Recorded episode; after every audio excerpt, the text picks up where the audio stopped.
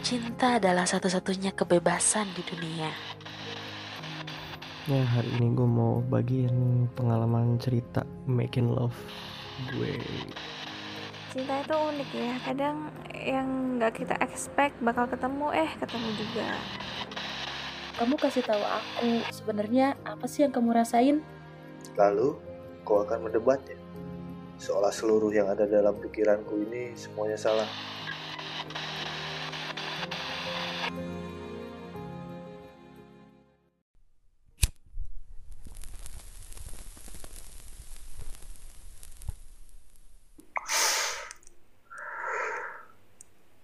Setidaknya dengan bercerita kita akan merasa lega.